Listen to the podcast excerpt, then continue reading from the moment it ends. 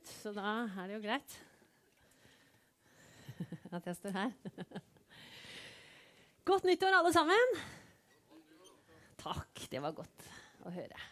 Det er jo ikke så lenge siden vi var samla, men det var jo faktisk i fjor at vi eh, hadde sist samling med IRM. Mange av dere var her på julaften. Det var veldig veldig fint. Og eh, det er veldig flott å få lov å også ha besøk av mange den dagen. For det er jo litt sånn at da er vi på besøk, eller har besøk ofte. Og så var det en fin gjeng som var samla her til julaftensgudstjeneste. Så håper jeg at eh, du har både hatt en god jul, og at det er godt å starte på et nytt år. Kanskje er det det, i hvert fall. Jeg syns egentlig jeg har hørt ganske mange si denne uka her Å, det er noe deilig med hverdag, da. Og kanskje er det litt sånn at det er jo godt med det mest vanlige. Det er godt at ikke det er kaker hver dag, og eh, at vi skal lage så mye middag. Og, og så har det vært fint med et lite avbrekk i hverdagsrutinen.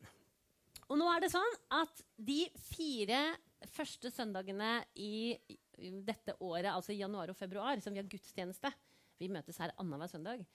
Så skal vi fordype oss i livet til fire helter fra Det gamle testamentet. Så nå har vi gått litt tilbake i den gamle boka. Og så skal vi eh, kanskje friske opp litt søndagsskolefortellinger. Vi skal se en gang til på hva er det de fortellingene her egentlig handler om. Hva kan vi lære? Og jeg tror, eller håper at vi skal kunne se at dette har relevans for våre liv, for våre tro og for vår vandring på, på jorda her og med Gud. Og vi skal begynne veldig tidlig i dag. Så går vi tilbake til eh, kapittel helt på slutten i kapittel 11 i første Mosebok. Der leser vi for aller første gang om en mann som heter Abraham. Eller Abram. Ikke Abrahavn, men uh, han har to navn. Og livshistorien hans den varer over mange kapitler, helt da fra slutten av, kapittel 11 og helt til kapittel 25. Og det er masse stoff. Og vi skal ikke være fordype oss i alt det. Det går ikke an. Men eh, jeg har tenkt faktisk å liksom, dra oss litt gjennom eh, hovedoverskriftene i livet til Abraham.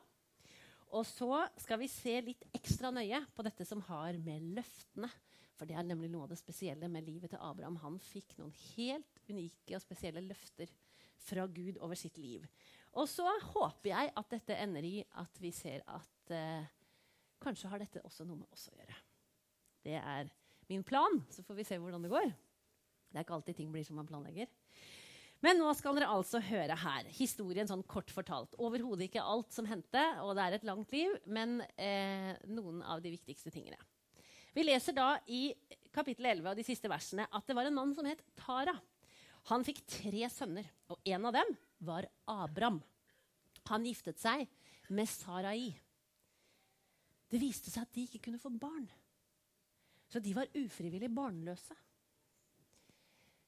Etter en eller annen tid, vi vet ikke helt når, så mista nevøen til Abraham pappaen sin, altså broren til Abraham, døde. Og da bestemte Sarai og Abraham seg for å ta seg av Lot, sin nevø. De bodde i Ur i Kaldea. Men etter hvert så brøt faren Tara opp derfra og la på reise mot Kanan. Men de kom ikke så langt. De slo seg ned i første omgang ved Karan. Og Veldig tidlig i historien om Abraham så leser vi om at Gud gir ham et løfte. Han sier som følger.: Dra bort fra ditt land og din slekt og din fars hus til det landet jeg vil vise deg. Jeg vil gjøre deg til et stort folk. Jeg vil velsigne deg og gjøre ditt navn stort. Du skal bli til velsignelse. Jeg vil velsigne dem som velsigner deg, og forbanne dem som forbanner deg. I deg skal alle slekter på jorden velsignes. Ganske god start på en livsreise, kan man jo si. Det var liksom ikke bare gå og ha det bra og være forsiktig og ikke snakke med fremmede. Det var en kraftig salve å gå ut i livet med. Og eh, Abraham dro av sted som Gud hadde sagt til ham da han var 75 år. Dro han og kona Sarai og Lot blei med de, og de la ut på den store reisa. Så folkens, det er ikke over fordi om vi blir 50. Altså, Abraham var 75 da han la i vei. Så skjedde det ikke så lenge etter at de var på tur, at de opplevde hungersnød. Det kom en stor hungersnød der de var, og da måtte de rømme ned til Egypt. Og Da skjedde det noe merkelig. Denne gudsmannen og denne flotte karen Abraham han kom til Egypt, og han skjønte da med en gang, når han så alle menneskene der, at we're in trouble.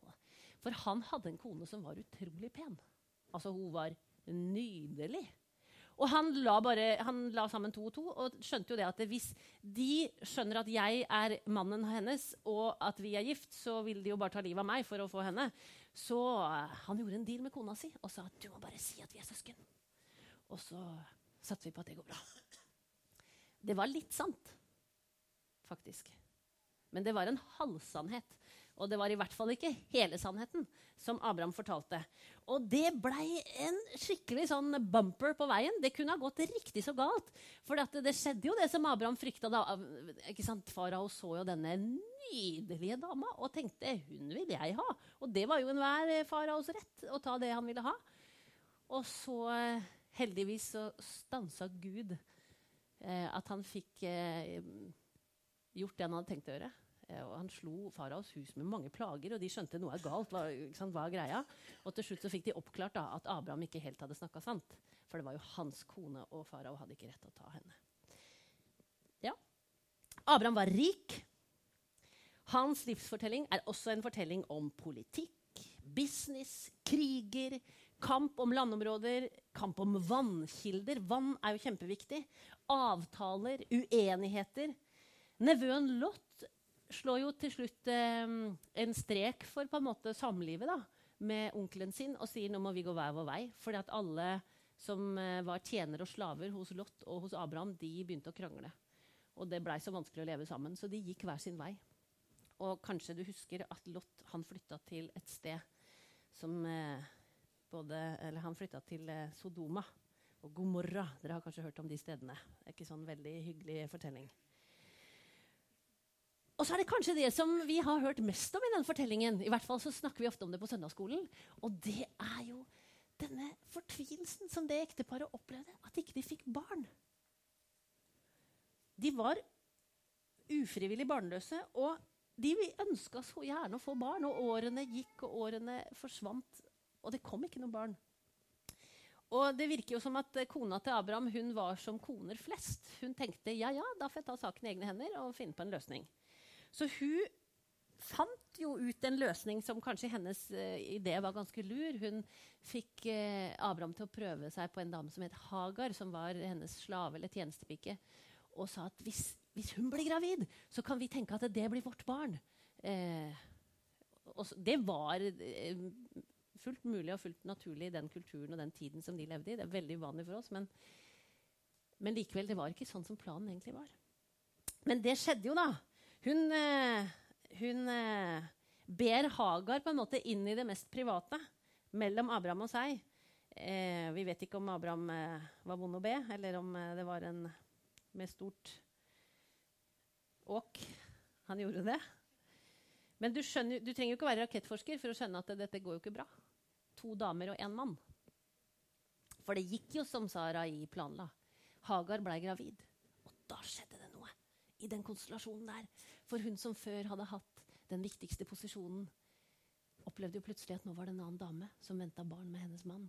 Og selv om det var liksom hun som skulle være Abrahams kone, så var det noe som hadde skjedd. Og dette var begynnelsen til en veldig vond og vanskelig konflikt.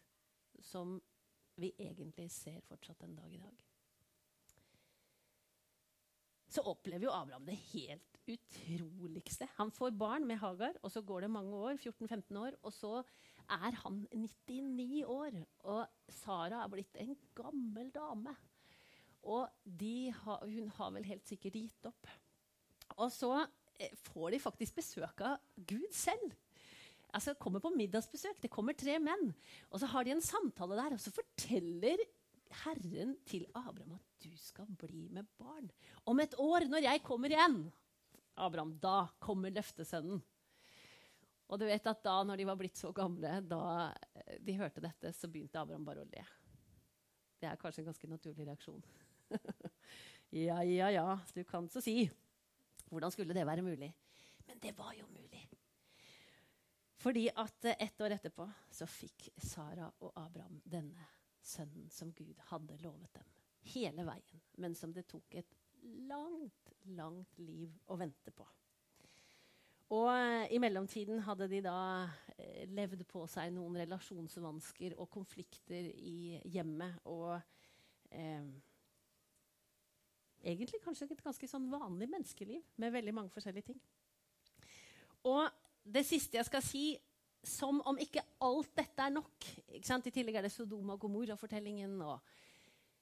Som om ikke dette er nok, så er det altså sånn at når Abraham har fått dette barnet som Gud har lova han, og denne sønnen som Sara fikk lov å bære fram for han, så når det har gått noen år, så ber Gud Abraham om å ofre sønnen til han.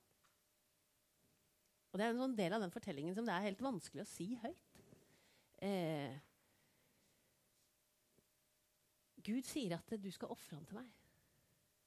Og så gjør jo Abraham det. Han tar med seg sønnen og legger i vei. og De planlegger en reise langt av sted, langt borte fra hjemmet. Og de eh, gjør i stand et offer, eh, et brennoffer. Og Isak, som denne sønnen heter, skjønner kanskje hva som er i ferd med å skje. Han spør pappaen sin hvor er, eh, hva er det vi skal ofre. Ja, det skal nok Gud eh, ta seg av, sier Abraham. Men det går så langt at Abraham legger han på klar til å legge han på ilden. altså legger han oppå veden. Og når han går så langt i å følge Gud i det Gud har bedt han om, så sier Gud stopp. Selvfølgelig skal du ikke ofre din sønn. Du skal ofre denne væren. Og så er det en vær som sitter fast i et kratt litt lenger borte. Og så er det ikke sønnen som skal ofres. Men så er det også i denne fortellingen et fantastisk bilde på noe som kommer mye seinere i den samme boka. Når Gud, far, faktisk ofrer sin sønn, den eneste, for at alle mennesker skal ha muligheten til å få fred i hjertet og forsone sitt liv med Gud.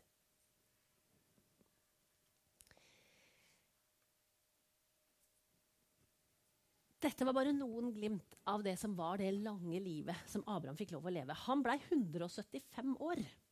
Så eh, om han begynte seint, så fikk han lov å leve lenge. Eh, og det skjedde utrolig mye spennende i siste halvdel av livet hans. Det syns jeg er en oppmuntrende ting. At det, alt trenger ikke å være over fordi om vi er midtveis.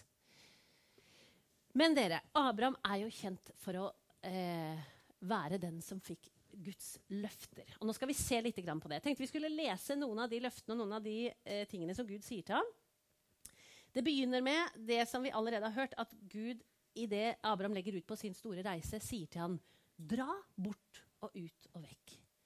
Bort fra folket ditt, bort fra dine, bort fra det som er kjent for deg, og jeg skal velsigne deg.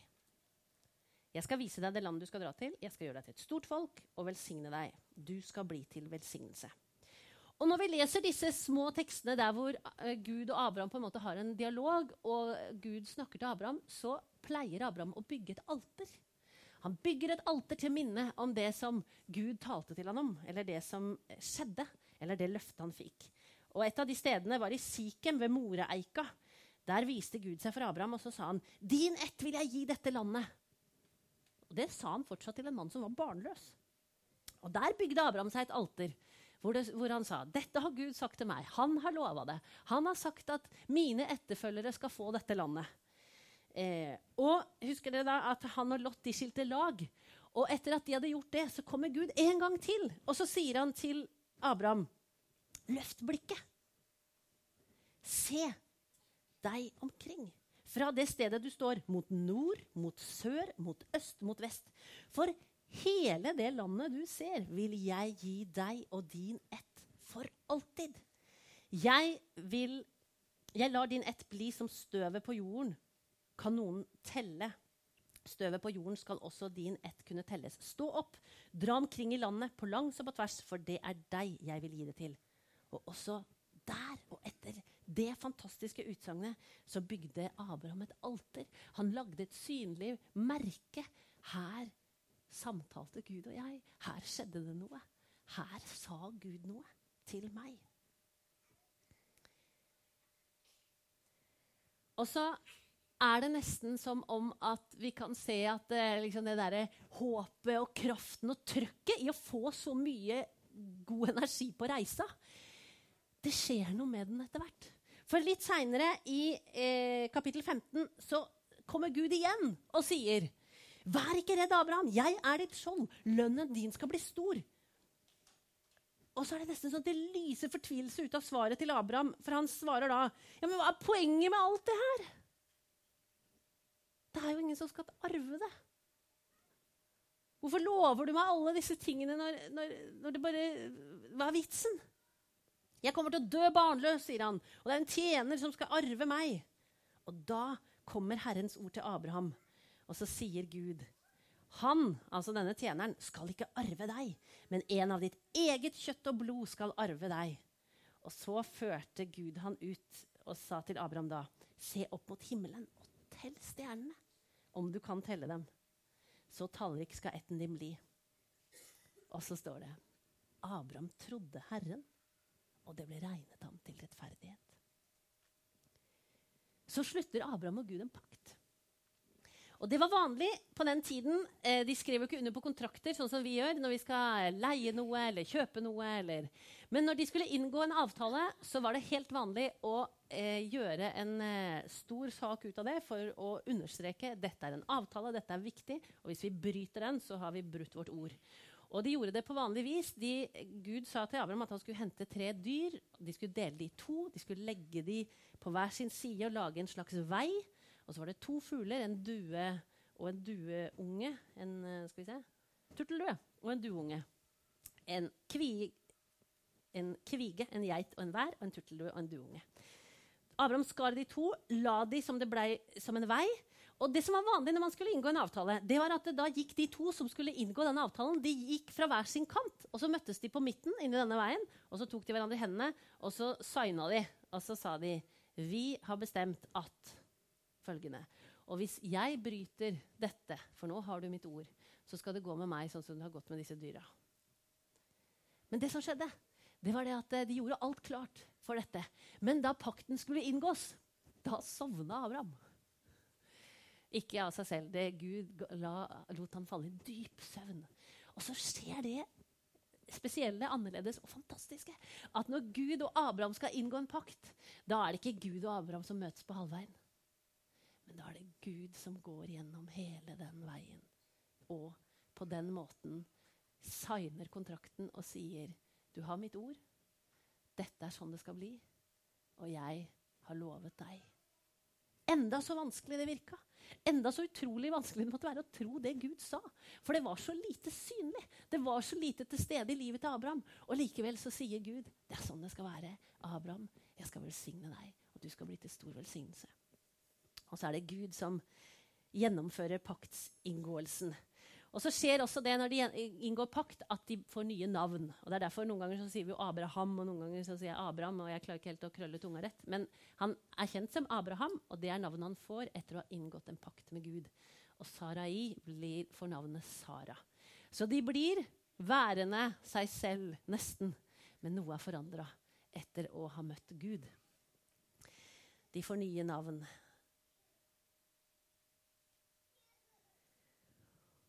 Og så syns jeg at det er fantastisk å få lov å eh, lese en sånn fortelling fra Gammeltestamentet om et helt liv.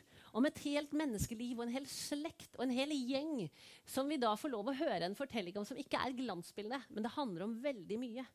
Fortellingen om Abraham er også på en måte fortelling om sjalusi og trekantdrama og kriger og løgn. For ikke nok med at Abraham jugde den ene gangen i Egypt om at Sara ikke var kona hans. Han gjør det igjen etterpå, seinere, etter å ha møtt Gud mange ganger, så fortsetter han å lyve. Og det blir akkurat samme problemet for den nye mannen som prøver å ta kona hans.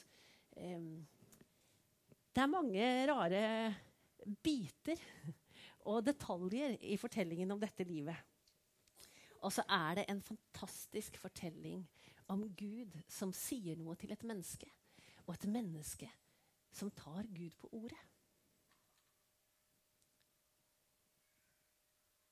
Og Når vi blar over til Det nye testamentet, så leser vi mange steder, flere steder, at Abraham han, Jødene regnet som sin stamfar. De snakket alltid om han som vår far.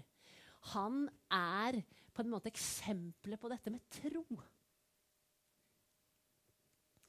Og det står at Abraham trodde Gud, og derfor regnet Gud ham som rettferdig. Det står det i Romerne 4. Og det er mange bibelvers eh, som du kan slå opp i Galaterne og i Hebreerne og i Jakob. Så skriver de om hvordan denne troen til Abraham har prega de som folk. Den arven de har fått gjennom det mennesket. Og så tenker jeg at det er noen ting som det er veldig fascinerende å, å se om det fins eh, tilknytningspunkter til i våre liv. Hvis vi ser hele fortellingen om Abraham som en sånn lang fortelling om en vandring, om en vei, så tenker jeg at det, det, stemmer jo godt. Veldig ofte så snakker vi om livene våre som en vei. Eller at vi er på vandring. Vi vet hva som ligger bak oss, vi vet noe om hva som ligger foran. Noen ganger vet vi ikke, for det er bare en sving. Eh, vi aner kanskje noe. Eh, det er mange sånne metaforer på det bildet. Og for noen år tilbake så fikk jeg en bok som en eh, som kjente meg godt, ville at jeg skulle lese. Den het 'Hedan efter blir vegen vegløs'. Den var svensk. Og Jeg husker ikke så mye av boka, men jeg husker tittelen. Altså, 'Heretter blir veien veiløs'. Og så tenker jeg at det er noe av på en måte Abrahams eh, arv. At han vågde å gå ut på en vei som var litt veiløs. Det var litt utydelig.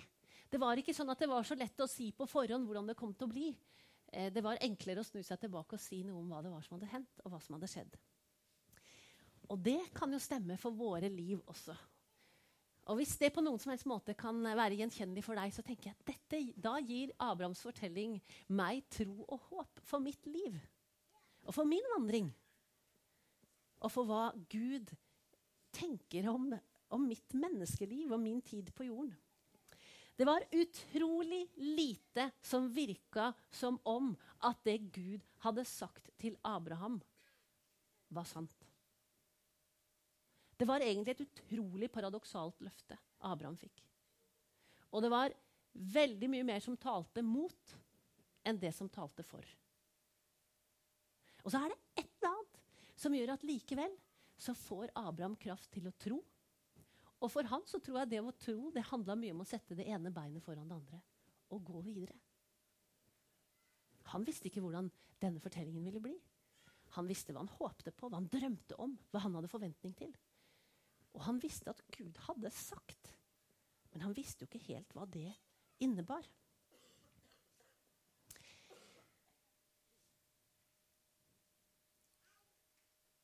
Når Abraham dør, så begraver Isak og Ismael disse to sønnene han fikk. De begraver han sammen.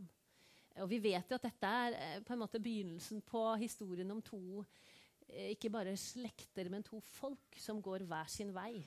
Og som vi kan eh, se når vi kikker på dagens nyhetsbilde, at det er ikke noe veldig enkle løsninger på konflikten i Midtøsten i dag, som handler om folk, ulike folk som ikke kan enes. Og som vi tenker at en, eh, henger sammen med denne fortellingen. Men når, når, Abraham dør, så kommer sønnene til Abraham sammen og begraver han. Og så gravlegger de han på et sted som heter Lahairoi. Og det var der som Hagar, mammaen til Ismail eh, Det blei jo så vanskelig for henne å leve sammen med Sara, kona til Abraham, at hun rømte fra de sitt hus. Og da møtte Gud henne ute i ørkenen. Et sted som het Lahairoi, og det betyr 'Herren ser'. Og på hennes mest som fortvilte øyeblikk i sin livshistorie så møtte hun en gud som hun vitnet om var en gud som ser. Og når Abraham døde, så begraver sønnene hans han, og så, unnskyld, så bosetter Isak seg der hvor det heter 'Herren ser'. Det er der Isak fortsetter å bo. Han lever videre der. Og så syns jeg det er et fantastisk budskap gjennom denne lange livsfortellingen. At Herren ser. Herren så Abraham alle hans sine dager. Han så hele hans vandring. Han kjente til alle oppturene og nedturene og det som gikk galt, og det som var bra, og det som var vanskelig, og det som ikke funka. Og så var han hele tida en gud som så. Både Abraham og hele hans hus. Og så tenker jo jeg, liksom, Hva er det vi kan lære av denne fortellingen? Eller kan vi ta noe av dette inn i våre liv? Kan vi tenke at hvis Herren skulle velsigne Abraham, ja, da skal han vel også velsigne meg? Ja. Det kan vi tenke. Vi eh, ber jo ofte velsignelsen sammen. Vi lyses velsignelsen over når vi går fra gudstjeneste. Det er kanskje den mest kraftfulle måten som vi sier. Vi tror at Herrens ansikt, Herrens åsyn eller Herrens nærvær går med deg ut i ditt liv. Og så vet jeg ikke hvordan du tenker om det. da, Hvordan du kjenner det for dine hverdager. Er det sånn at du tenker i, på mandag, onsdag og fredag ettermiddag Yes! Herren er her. Her er jeg, og her er Gud. Vi snakker sammen. Vi har en dialog. Han har sagt noe til meg. Han har gitt meg noen løfter. Kanskje har det, er det sånn. Kanskje har du ikke erfart det så veldig. Kanskje er det noen av oss som, som, har en sånn opplevelse av at jeg husker at Gud sa noe til meg. Det var så sterkt. Jeg opplevde det i hjertet mitt. Det var som en sånn drøm. Men det har jo ikke blitt noe av. Det er jo helt umulig. Da tenker jeg at vi har fortellingen i Gamletestamentet om Abraham for å gi oss mot og kraft til å tenke Kunne Abraham tro? Ja, da kan jeg tro.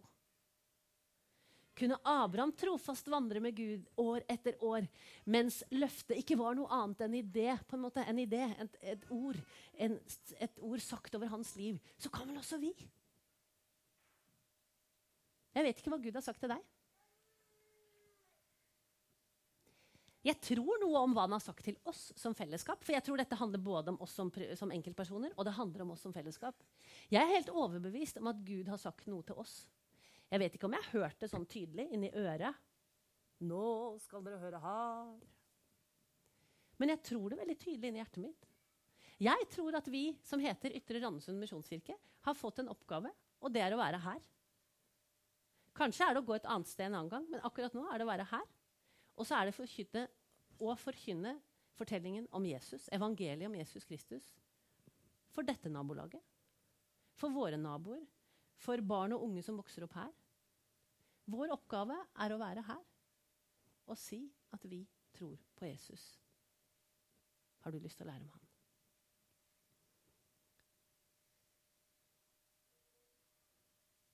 Og så tror jeg veldig på det siste Jesus sa til disiplene før han reiste fra dem, når han var på jorda. Da sa han Vi sier det hver gang vi feirer dåp. Dere har helt, kanskje, eller helt sikkert hørt det. Meg er gitt all makt i himmel og på jord, sa Jesus. Gå derfor ut og gjør alle folkeslag til mine disipler. Idet dere døper dem, så kommer det en lang lekse, og så sier han, og se, jeg er med dere alle dager inntil verdens ende. Jeg tror på en Gud som fortsatt ser, en Gud som fortsatt er nærværende. En Gud som har noen kall til oss. Og jeg tror de er litt forskjellige. Helt sikker på at Gud har sagt ulike ting til eh, oss som er her inne. Eller at han vil si noe. Og tenker du at eh, ja, men det han sa, det er jo helt Det blei jo ikke sånn. Hele livet mitt vitner jo imot det. Kan Abraham tro? Så kan vel vi også tro. Og husk den Gud som vi sier vi kan tro på, det er den Gud som ser menneskene han elsker og ønsker fellesskap og samfunn med. Så kanskje er spørsmålet kan du tro da, at Gud har satt foran deg en åpnet dør, som Torunn leste for oss i begynnelsen, så vi kan få lov å gå gjennom og inn i og ut gjennom i det nye året og i vår verden og virkelighet nå og si ja, her er jeg. Bruk meg og gjør sånn som du har sagt, Gud. Skal vi be. Takk, Gud, at du er her. På samme måten som vi tror at du var eh, til stede i Abrahams liv, så er du også til stede i våre liv. Og takk for de gangene som vi har fått lov å erfare det. At du enten snakker til oss, eller gir oss en uh, idé, eller leder oss på en eller annen måte. Og så takker jeg deg for at vi kan be om at det skal du gjøre på nytt. Kanskje er det sånn at du vil si noe til noen av oss, eller du vil si noe til oss som fellesskap, om hva vi skal gjøre. Og så har du sagt at vi skal gå ut og fortelle alle. Og det ønsker vi trofast å gjøre, Gud. Og så takker jeg deg for at du har sagt at du vil velsigne oss. Og takk for at vi kan tro på det, både når det synes, og når det ikke synes som at det er mulig. Takk for at du går videre med oss ut gjennom denne dagen og ut gjennom våre liv.